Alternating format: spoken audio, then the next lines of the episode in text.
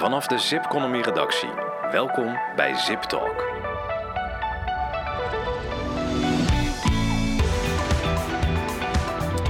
Een hele goede dag, eh, beste mensen. Mijn naam is eh, Narada Bouwland en welkom bij Zip Talk, de podcast van eh, Zipconomy. Um, ik word vandaag bijgestaan door de hoofdredacteur van Zipconomy, Hugo-Jan Ruts. Goeiedag, Hugo-Jan. Goeiedag.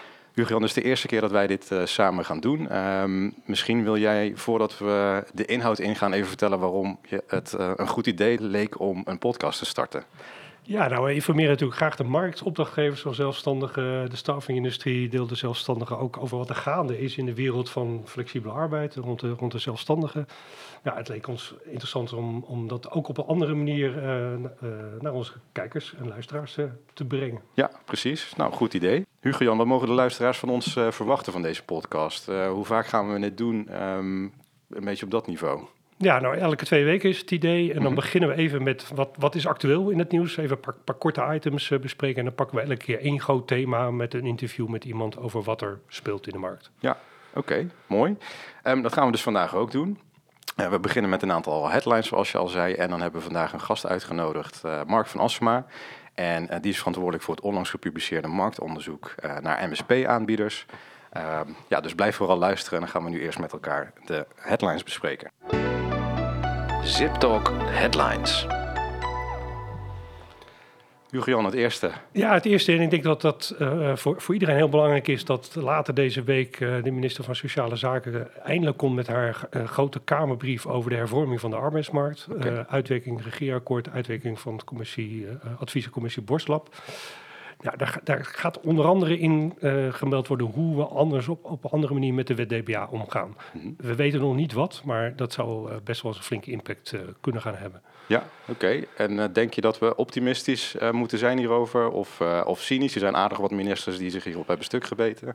Ja, nou, ik, ik zie nog weinig reden tot enorm optimisme als je het hebt over het wordt nu duidelijk. Ja. Ehm, wat we wel weten is dat de wet DBA ongetwijfeld meer gehandhaafd gaat, gaat worden, maar ja, hoe we nou rond het arbeidsrecht, rond de regels wat meer duidelijkheid gaan krijgen, nou, dat, dat, dat is echt nog wel eventjes afwachten.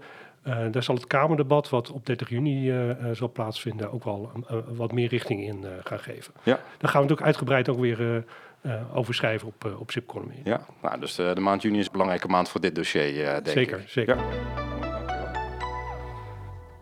ook politiek nieuws eventjes. Dus de voorjaarsnota is, is uitgebracht. Nou, daar staat eigenlijk wat voorschotten op, op uh, nieuwe uh, zaken, financieel gezien, wat er in de begroting komt. Nou, een van de dingen is dat er wederom gemorreld wordt aan de, de fiscale voordelen die zelfstandigen hebben. Ja. Nou, dat, ja, je zou kunnen zeggen, dat blijft maar doorgaan. Um, en dat, dat past wel in de lijn dat, dat dit kabinet ook wel doorgaat in het niet al te makkelijk maken voor mensen om als zelfstandigen te gaan, gaan werken. Ja, ja oké. Okay. En nu las ik ook dat er binnenkort uh, dat er ook een trend is dat steeds meer zelfstandigen een BV oprichten. Hè? Ook dat, ja, dat heeft ook wel weer te maken met die, met die uh, afbouw van de zelfstandige aftrek, die al eerder ja. is aangekondigd. Uh, dus de overstap van naar een BV gaan is, wordt steeds aantrekkelijker voor een zelfstandige. Nou, dat, dat zullen opdrachtgevers ook wel gaan zien, dat je een, uh, daar een verschuiving in gaat, gaat krijgen. En het past misschien ook wel een beetje in de trend dat, dat er een wat scheiding komt tussen mensen die echt vol voor het ondernemerschap gaan, dan een BV oprichten, misschien ook wat meer risico doen nemen. En dat, dat helpt misschien ook wel een beetje in de wet DBA-discussie. Uh, ja. Ja, maar uh, opvallend nieuws ook wel in de wereld van overnames. Er worden best heel veel uh, staffingbedrijven overgenomen de afgelopen tijd. Nou, de meest opvallende afgelopen weken was die van, van Boer en Kroon, interim management, organisatieadviesbureau. Ja. Misschien wel het bekendste bureau. Nou, overgenomen door de, de Eversgroep, een, een, een bedrijf wat vooral bekend is door allerlei inkoopactiviteiten uh, uh, die, ze, ja. die ze hebben. Ja, die past wel in de trend van schaalvergroting. En die is, die is toch wel fors gaande. Je ziet uh, een bedrijf als het First bedrijven overnemen, de staffinggroep bedrijven overnemen. Dus die consolidatie die, die is wel uh, fors gaande. En dat is ook wel van belang voor opdrachtgevers van, van zelfstandigen om dat goed in de gaten te houden. Van, heb je een raamcontract met iemand, die wordt dan weer overgenomen, wat, wat dat voor consequenties uh, gaat hebben. De, de, het aantal smaken wordt wel minder wat dat betreft om, om uit te kiezen. Ja, ja, dus je ziet een overnametrend, maar er komen ook zo af en toe nieuwe spelers op de markt.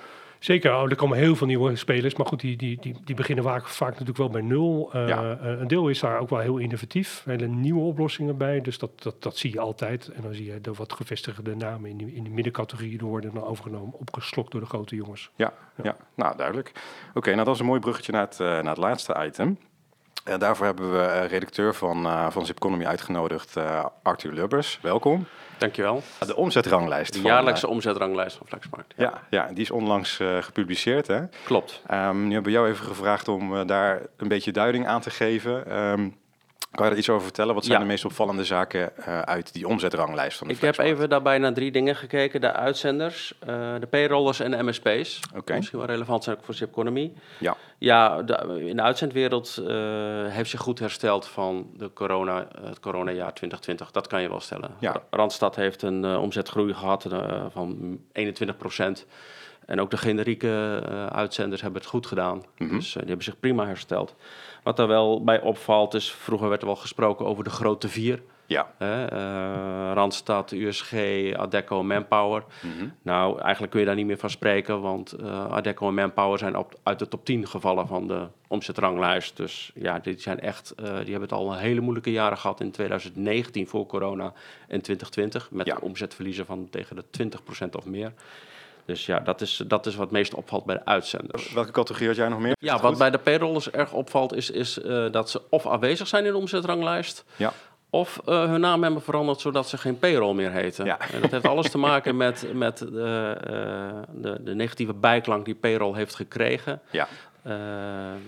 Ze hebben natuurlijk last van de komst van de WAP, eh, dat het verlichte uitzendregime niet meer geldt en de Mhm. verlengde keetregeling niet meer geldt voor payrollers. Dus die voordelen hebben ze niet meer van Flex. Ja. Eh, ja, dat, dat, dat heeft eh, effect op de omzet die ze hebben gemaakt. Maar vooral hebben ze een dienstverlening uitgebreid. Ja. Veel meer HR-dienstverlener geworden. Ehm, ze doen ook ZZP-bemiddeling, freelancers, eh, uitzenden. Dus ze zijn veel meer gaan doen. Ja, ja ze, zijn wel, ze hebben zichzelf echt opnieuw moeten uitvinden. Opnieuw moeten uit, daar zijn ze druk mee bezig. En, en, en de marktleider in die sector is, is Brisker Groep, die dat eigenlijk al in 2019 is gaan doen. In Ja. aanloop naar de WAP. Dus eh, dat valt het meest op bij payrollers. Oké. Nou ja, even een bruggetje misschien ook naar de MSP's, waar je ook wat over gaat zeggen. Maar wat je net aangeeft, het wordt ook wel steeds lastiger om mensen of, of, of bedrijven in een bepaald hokje te, te zetten, toch? Hè? Wat, wat- is overlap tussen payrolling en, en eh, eh, MSP? Wie is nou precies een MSP Klopt. en wie niet? Klopt. Want hoe ga je die bij die, die omzetranglijst daarmee om eigenlijk? We gooien alles op één grote hoop. En Ja. dat wordt dan een ratje toe. En dat geeft ook aan hoe, hoe eh, divers de markt is en hoe versnipperd de markt is. Er is wel eens kritiek op, op de omzetranglijst, omdat de MSP's, en dan kijk je naar de managed fee, wat natuurlijk echt iets anders is dan de omzet van uitzenders of payrollers. En dat klopt ook. Alleen ja, we willen gewoon voor het overzicht hebben we een top 100 gemaakt. Eh, en, en daar moet je eigenlijk diverse categorieën uit gaan halen. En dan moet je onderscheid gaan maken tussen de uitzenders, de payrollers, detacheerders en MSP's. Ja, ja. Ja. En wa- wat, wat zag je bij de MSP's? Ja, die, die doen het natuurlijk eh, goed. Eh het First staat op nummer 2. Brainet, overgenomen door Pro Unlimited, staat op nummer 4. Ja, die, die doen het gewoon heel goed. En dat komt ook vooral door overnames natuurlijk. Hè. Ehm, het First Group heeft Between overgenomen in 2020. Ja, dat zie je terug in de cijfers met een omzetgroei van 60%. Dat Ja, is niet ja. alleen autonoom geweest, dat is natuurlijk ook door die overname. Maar er zijn ook een paar die het iets minder hebben gedaan. Harvey Nes en, eh en Hees Nederland hebben wat omzet moeten inleveren afgelopen jaar. Eh, in tegenstelling tot bijvoorbeeld het Flexhuis, dat, dat in de zorg actief is en het heel goed heeft gedaan. Dus die heeft echt geprofiteerd van, eh, van de markt. Ja, dat zijn eigenlijk de opvallende dingen in de top 5. Want inderdaad, naast groei, want in totaal groeit het denk ik ook. Ja, Eh, eh, de- als je alles bij elkaar optelt. dan kom je uit op zo'n eh 19% groei. En dat komt overeen met de 18% die de ABU ook eh, uit de Ja, ja, ja. ABU-cijfers blijft, Ja. de ABU-marktmonitor. Ja. Dus dat zit wel aardig in lijn. Ja. Ik denk Ja. dat het een goed beeld geeft van de, van de hele flexmarkt. Maar eh, 19% overal, maar toch ook Overal. wel flink, flink wat dalers. Er zijn, eh. er, zijn, er zijn bedrijven die enorm zijn gestegen. Er zijn ook wel echt wel een aantal dalers. Eh, Ja. De meeste bedrijven hebben omzetgroei geboekt, maar er zijn ook echt wel serieuze dalers. Ja. Bijvoorbeeld bij de detacheerders valt op dat eh, de twee grootste detacheerders, DPA en Brunel, ja, die hebben toch omzetverlies gehad. Eh, ondanks dat uit de VVD mark, VVDN marktmonitor blijkt dat de detacheerders het heel goed hebben gedaan, zijn die twee grote partijen eh, echt achtergebleven. Duidelijk. Dankjewel uh, Arthur. Graag gedaan. Dan gaan wij door naar uh, Mark van Assema over het uh, MSP-rapport. Mark van Asma, een hele goede dag. Um, Goeiedag. Goeiedag. Zal ik jou introduceren? Graag. Ja, Zeker, leuk. leuk. nou, Mark is HR-projectleider en adviseur voor het groeien naar uh, Total Talent Management of integraal talentbeheer. Um, hij staat er een voor een gelijke behandeling van alle werkenden door HR en de rest van de organisatie, los van hun contractvorm. Goed samengevat? Ja, dat is wel uh, waar ik graag aan werk, ja. Ja, ja. ja. nu ben je ook nog auteur van een, van een boek, hè, Mis Geen Talent. Um, waarom zou ik dat moeten lezen?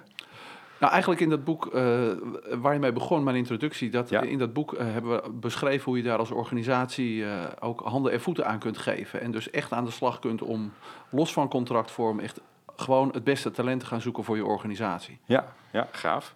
En nu heb jij in opdracht van Zipconomy en Nextconomy, dat is de Belgische zuster van Zipconomy, het marktonderzoek MSP-aanbieders uitgevoerd. Voor Nederland en voor België. Um, en dat rapport is, is net, net uitgekomen, hè, als ik het goed begrijp.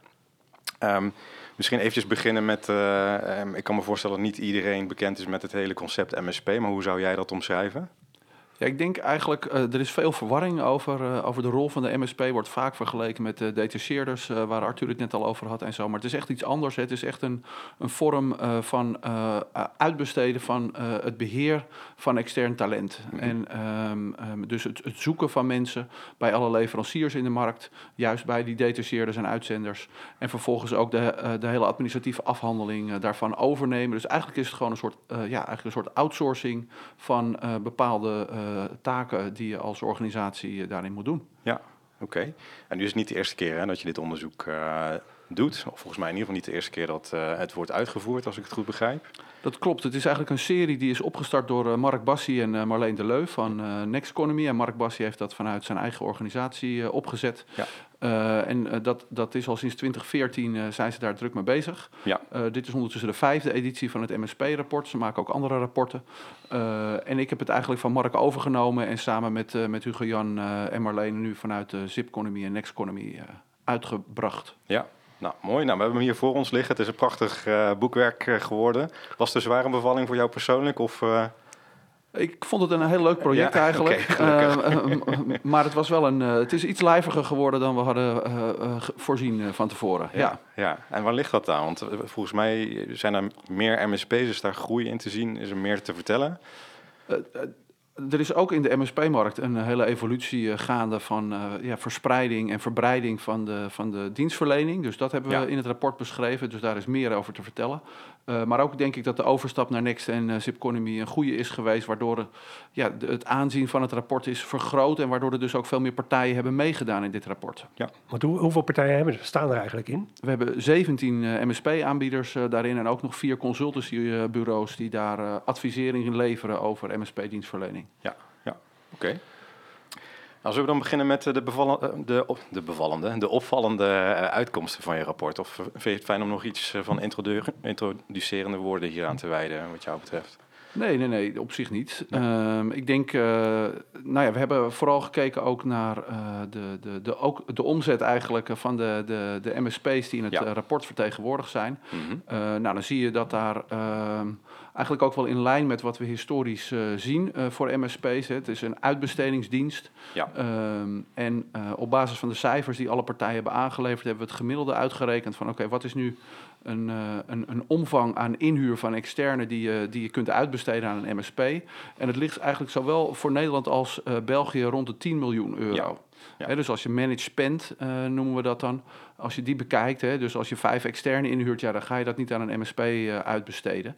He, dus, uh, dus als je op jaarbasis zo'n, voor zo'n 10 miljoen euro aan, aan externe inhuurt, dat is een omvang waarin je zegt, hey, we kunnen dat uitbesteden aan een MSP. En als het kleiner is, is het voor de MSP's ook niet zo interessant. Ja, ja. en wat, als ik onder die spend zit, dan moet ik me dan meer richten naar die, op die detacheerders en uitzenders voor iets van dienstverlening? Of...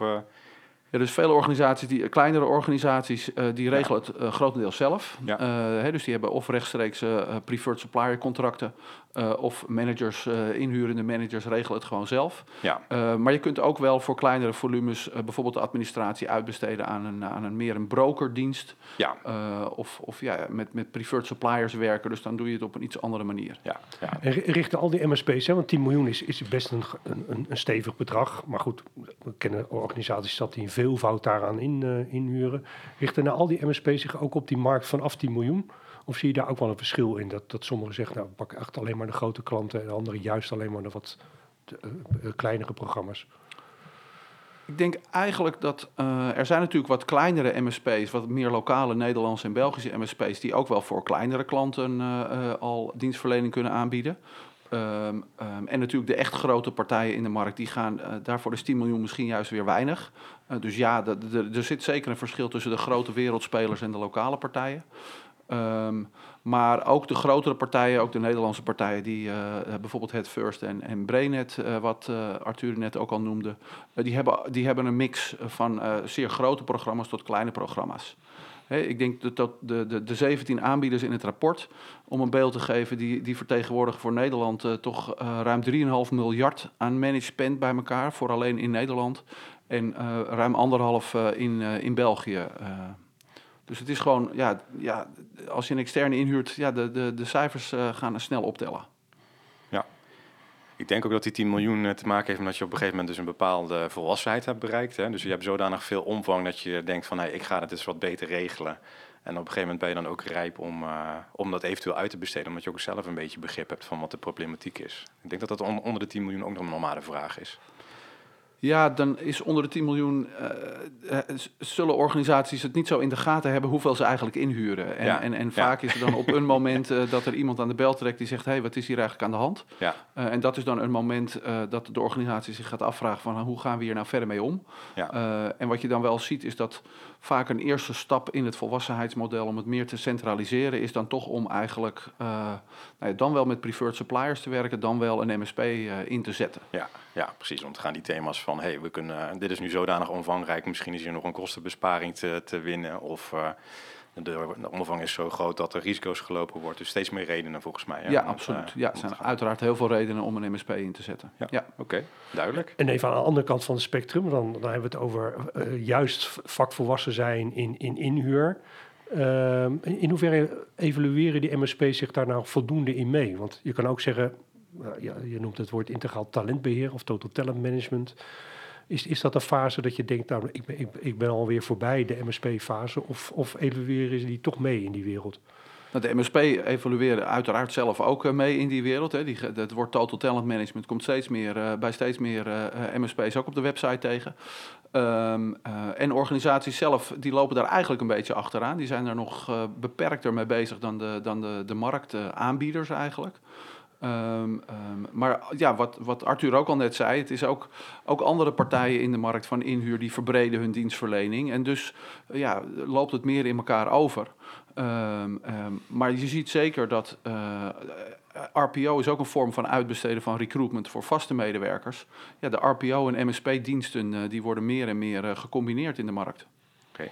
En is, zit daar ook het haakje voor jou naar MSP 4.0? hè? Dus, dus kan je iets vertellen wat, eh, wat dan kennelijk 3.0 was en wat dan nu 4.0 zou moeten zijn? Ja, eigenlijk die 4.0, dat is precies die. eh, dus we hebben in het rapport een eh, van, van 0.0 tot, Ja. tot 4.0 beschreven in evolutiefases. Oké, Ehm, en, en inderdaad, eh, 4.0 is echt het samenkomen met eh, voor Total Talent Management, waarbij zowel eh, de, het, het management van, van vaste en eh, externe medewerkers allemaal door één partij kan worden eh, beheerd. oké. En heb je daar de verschillende MSP's, eh, die heb je daarover bevraagd in hoeverre ze dat doen? En, en zijn dat er veel die, die dat doen? Er zijn er een aantal die heel bewust eh, eh, schoenmaker blijft bij je leest, eh, Mhm. alleen MSP-diensten eh, blijven eh, eh, voeren. Eh, en de wat grotere, eh, voornamelijk de wat grotere, die zijn echt, eh, ja, echt bezig om hun dienstverlening te verbreden. Ja. En dus ook ja, andere diensten aan te bieden richting dat total talent management. En dus de, de, de total talent gedachte, is dat het de belangrijkste factor van 4.0 wat jou betreft? Of zit daar meer in dan, dan dat? Uh, dat is eigenlijk de belangrijkste gedachte. Ja. In 3.0 Ja. heb je bijvoorbeeld ook al dat, dat, dat je uh, andere soorten van inhuur uh, erbij gaat trekken. Hè. Dus ook uitzenden, detacheren, alle verschillende vormen via de MSP. Ja. en dan richting 4.0 is het echt het, het meer integreren met, met vast. En ja, ook wat meer richting onboarding, dienstverlening en zo om, om de organisatie daarin te helpen. Oké. Okay. Dus 4.0 is, klinkt beter dan 3.0, maar dat, dat ik vraag me af of dat nou voor altijd zo is. Hè? Want uh, uh, natuurlijk is een, een, een prachtige, hele dure auto fijn. Maar ja, vaak is een, is kleinere, veel praktischer, betaalbaarder, behapbaarder, past beter bij je organisatie. Ja, dat is een beetje de vraag of het, het vergelijkbaar is met je telefoon die ieder jaar weer een nieuwe versie heeft en die in principe dan beter is. Of dat het inderdaad meer een keuze is tussen verschillende modellen auto's. Um, ik, denk dat de markt het zelf presenteert als een uh, meer de telefoongedachte. Dus dat de 4.0 beter is dan 3.0. Um, ik denk dat het heel belangrijk is dat je als organisatie gewoon realiseert... ja, waar ben ik aan toe? Waar zit ik zelf in het volwassenheidsfases uh, uh, rondom inhuur? En dat je daar een passende partij bij zoekt. Want als je weer een partij die heel erg met dat 4.0 bezig is... gaat, gaat aan, aanstellen als MSP... terwijl je zelf pas in 2.0 fase zit... ja, dan ga je daar toch een mismatch krijgen. En op, op wat voor manier uh, wordt het, de informatie in, in het rapport aangeboden, zeg maar, zodat organisaties daar een beetje wegwijzing kunnen worden? Ja, dus uh, enerzijds is er gewoon van alle aanbieders een, een, aantal pagina's met hun, ja, hun profiel eigenlijk, hè, waarin ze gewoon zichzelf voorstellen op een uitgebreide manier. en anderzijds hebben we doorheen het rapport vanuit verschillende invalshoeken vragen aan ze gesteld. Die hebben ze beantwoord. En die hebben we meer gesorteerd echt op, op onderwerp hebben we die in het rapport gepresenteerd in verschillende hoofdstukken. Uh, hè, over uh, de dienstverlening die ze aanbieden. Uh, in dat, dat 1.0 tot 4.0 fase eigenlijk. maar ook over implementaties en selecties. dus zo hebben we verschillende hoofdstukken waar ze dan vragen hebben beantwoord opgenomen. Oké. Um, wat voor tips zou je nou organisaties willen geven waar ze nou op moeten letten hè, als zij in overweging hebben om voor het eerst een MSP in te huren of misschien een, een nieuwe te gaan zoeken? Uh, je gaf zelf al een beetje aan dat uh, het moet passen bij je eigen volwassenheid en dus waar jij staat uh, qua inhuur. Zijn er nog andere dingen waar, je, waar men op zou moeten letten? Ja, we hebben eigenlijk in het eerste hoofdstuk, inhoudelijk hoofdstuk, hebben we heel uitgebreid beschreven wat doet een MSP nu allemaal, wat kan een MSP allemaal doen. Mm -hmm. um, um, en, en, dat zijn keuzes en ook keuzes die, van activiteiten die je eventueel zelf kan doen. Hè, dus als je nog niet zo volwassen bent op het inhuurgebied, ja, dan is het ook handig om je ambities daarop af te stemmen. Hè? Dus, dus je kunt wel heel uitgebreid uh, allerlei activiteiten bij een MSP neerleggen. Maar als je zelf niet in staat bent om die activiteiten ook te monitoren en te beheren en de rapportage te gebruiken en te sturen, mm -hmm. ja, begin dan bij de basics en bij de basistaken die een MSP uh, uitvoert. Hè? Dus maak heel bewust keuzes over wat je, wat je allemaal in fase 1 in je, in je programma opneemt. Hè. We proberen in dat rapport ook heel duidelijk te zeggen: oké, okay, doe het stap voor stap. Een MSP, de, de inhuur is, is een hele complexe materie. Het is niet een, een, stuk software wat je implementeert en wat het daarna vijf jaar gewoon doet. Ja. He, dus het is echt een, een beetje een reis uh, waarin je met je MSP echt een partnership moet gaan bouwen. En stap voor stap de dienstverlening en de taken zeg maar verbreedt. Ja, oké. Okay, dus slim aanbesteden eventueel. Hè? Dus als, zeker voor een, uh, voor een overheidsorganisatie. Um, maar het lijkt me sowieso een goed idee om een uh, redelijk formeel RFP-proces hiervoor te doorlopen. Of, uh, of vind je niet, of zou dit juist meer onderhands moeten gaan? Nee, nee, nee. Dit is wel echt een, een, een situatie wat je formeel moet aanpakken, zowel in het bedrijfsleven als in de overheid. Um, um, um, maar uiteindelijk de, de, de fees die MSP's vragen, die zijn tegenwoordig zeer vergelijkbaar. Dus ja. dat is niet zo'n onderscheidend vermogen. Natuurlijk is, is, is, is prijs een, een factor. Ja. Uh, maar het gaat echt veel meer, en dat is ook mijn ervaring nu bij, bij hè, want ik ben zelf ook projectleider, doe zelf helpen ook partijen met dit soort projecten. Mm -hmm. um, het, het gaat echt niet, de, de prijs is eigenlijk het minst belangrijk om eerlijk te zijn. Het gaat veel meer om de, om de kwaliteit, om de activiteiten die je met elkaar afspreekt, om het partnership wat je gaat bouwen. En daar zou echt de meeste focus op moeten liggen. Ja. Nou, mooi gezegd. Um, nu begrijp ik dat dit MSP-rapport een eerste is van een uh, cyclus van, uh, van vier. Um, kun je daar iets meer over vertellen? Ja, we zijn ondertussen ook uh, bezig voor, voor, voor, nu voor België met een FMS-rapport, een ja. freelance matching systeemrapport. En we gaan dan eind van dit jaar ook een VMS-rapport mm -hmm. lanceren.